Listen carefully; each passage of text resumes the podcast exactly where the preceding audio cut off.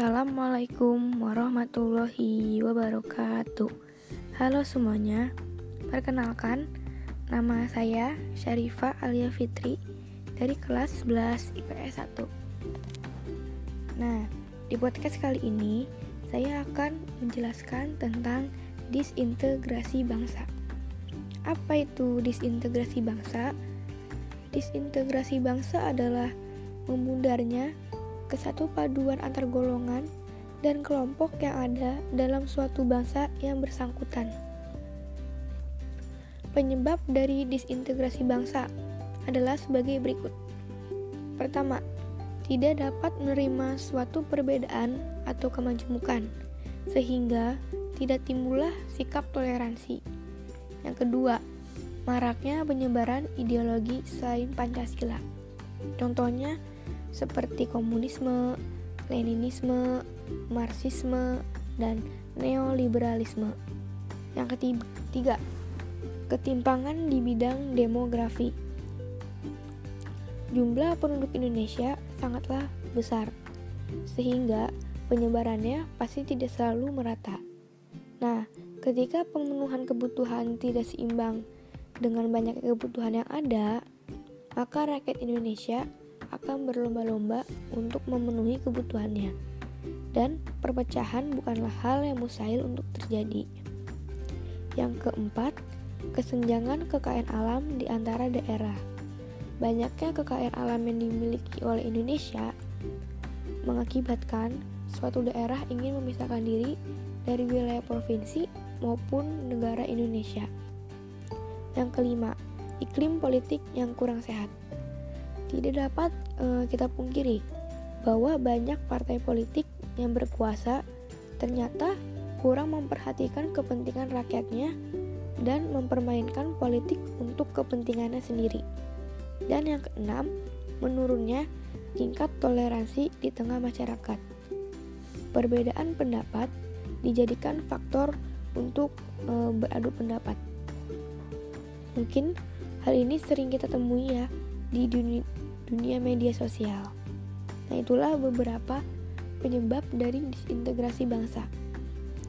Sekarang, dampak dari disintegrasi bangsa. Yang pertama, mengancam keutuhan, persatuan, dan kesatuan bangsa yang berdampak pada pemisahan diri dari NKRI. Kedua, mengakibatkan e, terjadinya suatu pemisahan wilayah yang akibatnya mereka ingin mendirikan negaranya sendiri. Yang ketiga, hilangnya kekayaan alam yang dimiliki wilayah yang memisahkan diri membuat negara akan mengalami banyak kerugian, baik materi maupun perekonomian negara. Nah, sekarang contoh disintegrasi bangsa yang pernah terjadi di Indonesia. Yang pertama, demonstrasi 98.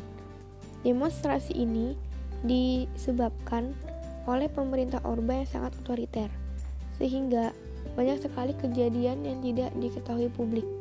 Contoh, seperti praktek korupsi, kolusi, dan nepotisme. Kedua, peperangan antar agama di Papua. Nah, baru-baru ini kasus peperangan antar warga masyarakat terjadi di Papua, terutama umat Islam dan jemaat Kristen. Kejadian ini disebabkan oleh kurangnya rasa toleransi yang dimiliki oleh penduduk Papua. Dan yang ketiga, gerakan Aceh Merdeka.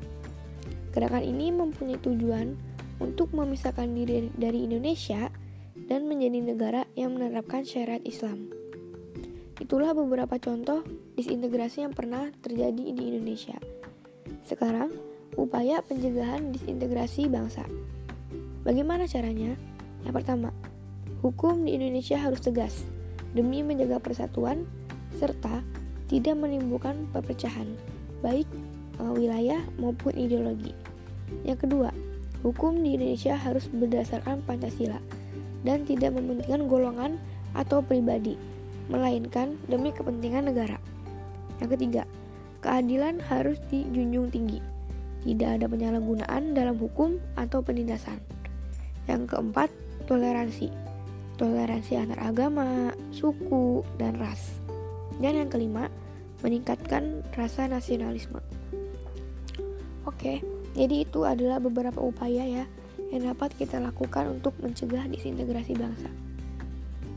Oke, sekian dulu podcast dari saya. Kurang lebihnya mohon maaf. Terima kasih atas perhatiannya. Wassalamualaikum warahmatullahi wabarakatuh.